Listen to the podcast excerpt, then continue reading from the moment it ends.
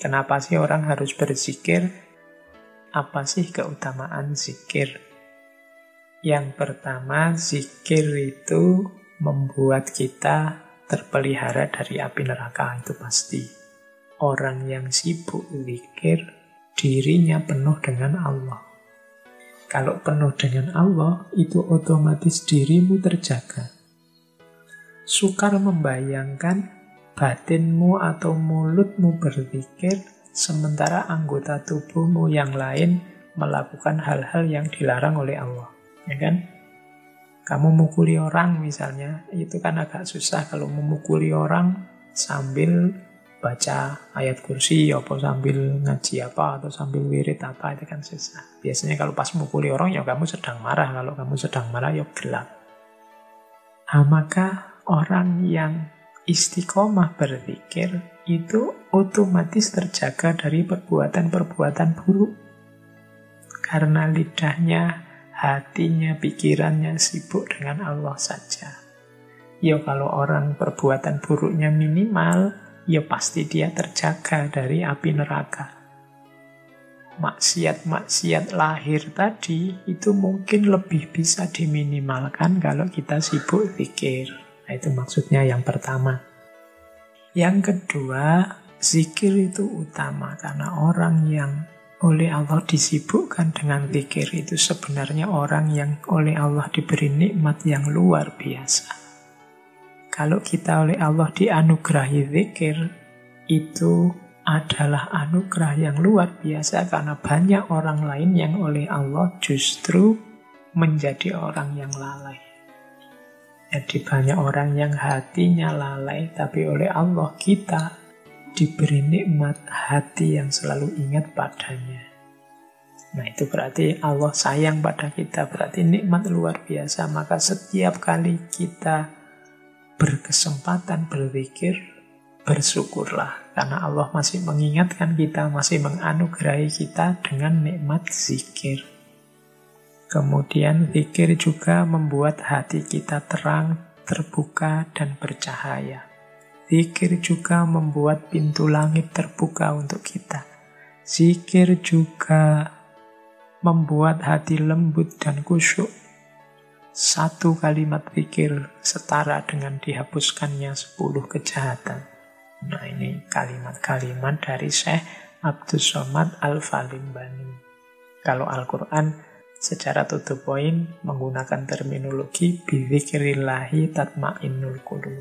Ala bidzikrillahi tatmainnul qulub. Bukankah dengan zikir pada Allah hati menjadi tenang? Kalau hari ini kita mungkin sering galau, sering gelisah, sering sumpek, apalagi banyak sekali masalah, masalah ekonomi, masalah corona, masalah macam-macam bertumpuk-tumpuk sehingga kita rasanya tiap hari gelisah, tidak bisa tidur, tidak tenang. Sebenarnya solusinya adalah zikir. Untuk apa? Tatma'innul kulub. Tatma'innul kulub itu batin yang tenang, batin yang puas, batin yang tidak lagi bergejolak. Itu di antara jalannya adalah zikir. Kalau ini tidak bisa dijelaskan, silahkan dijalani saja. Perbanyak pikir insya Allah nanti batin kita akan terbantu menjadi mutmainnah. Ala bifikrillahi tatmainnul kulub. Baik, saya tambah lagi sedikit dari Hidayatus Salikin. Ini ada kalimat bagus dari Syekh Abdul Somad hubungannya dengan dakwah mengajak orang pada kebaikan. Syekh Abdul Somad melihat banyak orang yang sebenarnya niatnya bagus, ingin menyampaikan kebaikan tapi jalannya keliru, justru dia dijebak oleh setan. Itu dari Hidayatul Salikin ada kalimat begini. Jangan terpedaya oleh tipuan setan yang berkata kepadamu, tampakkan kebenaran dan jangan engkau lemah. Ini maksudnya kan kita sering begitu. Sampai aib-aibnya saudara-saudara kita juga kita terdorong untuk menampakkan karena kita menganggap, loh ini kebenaran, semua orang harus tahu. Itu sebenarnya tipuan setan.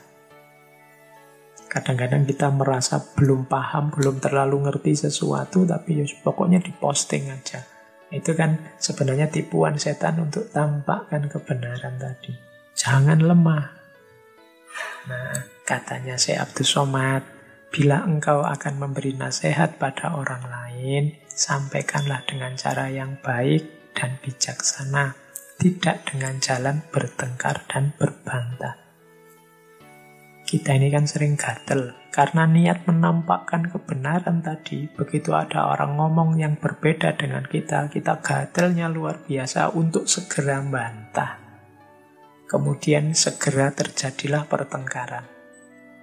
Padahal kadang-kadang pertengkaran itu tidak menghasilkan apa-apa selain rasa senang kita karena musuh kita kalah atau rasa sedih kita, galau kita karena kita kalah berargumen.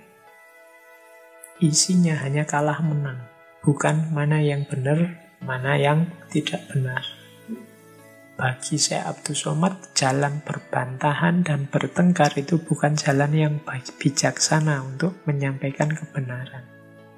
Nasihat itu adalah perkataan yang lemah lembut dan halus, katanya saya Abdul Somad. Jika tidak demikian, niscaya timbullah kejahatannya dan kebinasaannya akan lebih banyak ketimbang kebaikannya. Jadi kalau kita menyampaikan kebenaran dengan jalan bertengkar, berbantahan, yang kelihatan adalah kekacauannya, kebinasaannya, kejahatannya. Kemudian Syekh Abdul Somad mengutip dari Imam Ghazali, berkata pula Imam Al-Ghazali, barang siapa berteman dengan orang yang baru belajar ilmu fikih pada masa ini, niscaya tabiatnya akan berubah. Ia akan sibuk membicarakan masalah ilmu, mencela perkataan orang lain, dan susah untuk diam. Gejala yang disebut di depan tadi, dengan mengutip Imam Ghazali, menurut saya Abdul Somad biasanya terjadi pada orang yang berteman dengan orang yang baru belajar ilmu fikih. Jadi ilmunya masih sedikit, wong baru belajar, belum tuntas. Kalau kita berteman dengan orang-orang yang belum tuntas ini, niscaya tabiat akan berubah. Biasanya terus kita ngeweyelan, suka bantah, suka mencela orang lain, susah untuk diam. Ya mirip orang yang baru belajar silat itu kan biasanya merasa pilih tanding terus wah rasane kalau ditantang siapa pun mau atau kalau ada orang bisa silat dia ingin nantang juga. Jadi sibuk membicarakan ilmu dengan mencela orang lain dan susah untuk diam. Bahkan ada kalimat lanjutannya. Kenapa ini terjadi? Karena ia juga memegang teguh nasihat ulama yang jelek atau ulama yang su.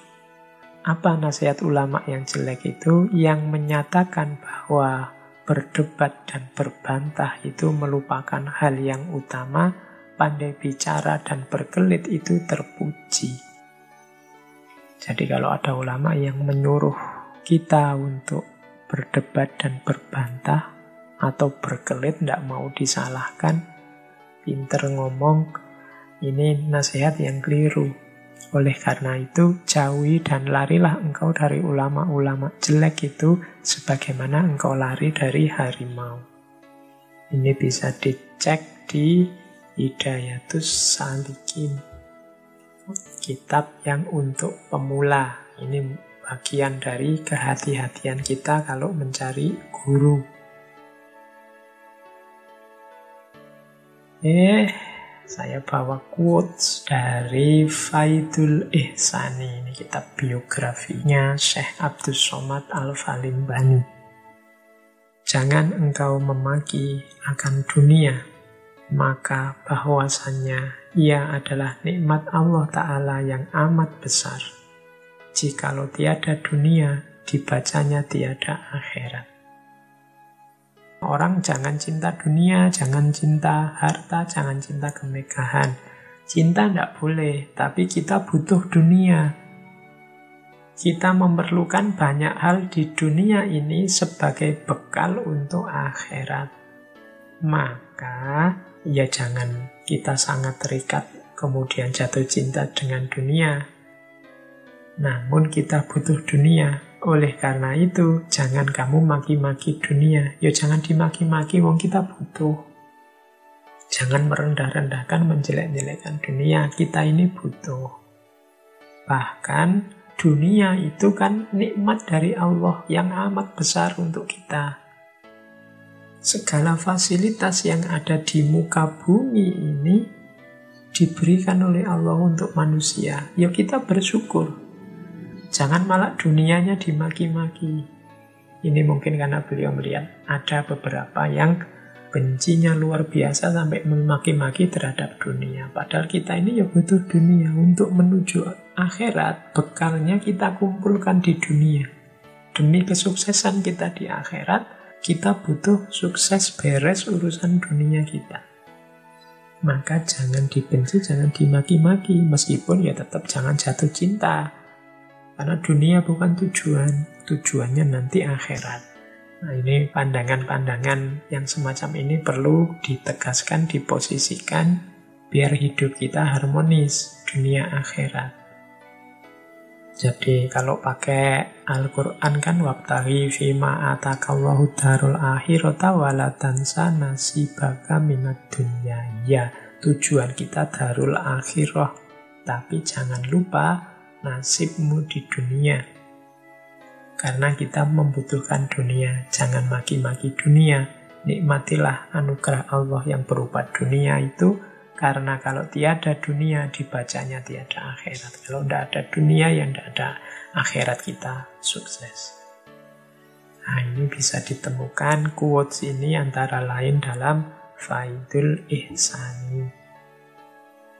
Oke, masih ada satu lagi ini juga dari Faidul Ihsani.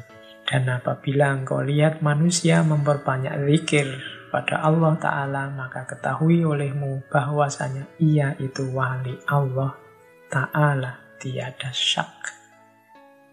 Kalau ada orang yang hidupnya senantiasa berzikir, sibuk dengan Allah saja, baik dalam keadaan berdiri, duduk, atau berbaring, ketahuilah bahwa Orang yang semacam ini adalah walinya Allah, tiada syak.